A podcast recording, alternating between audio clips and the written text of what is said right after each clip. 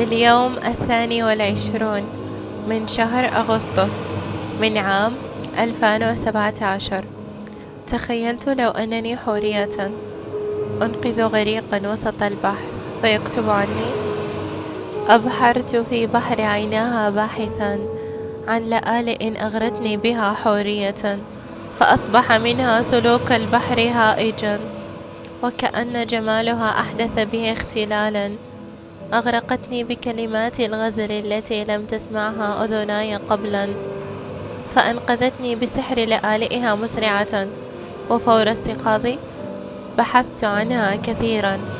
نسيت جمال البحر فهل كان له وجود لولا عيناها أصلا؟ تأكدت الآن أنني أصبحت أسيرا لحبها الماكر معذبا.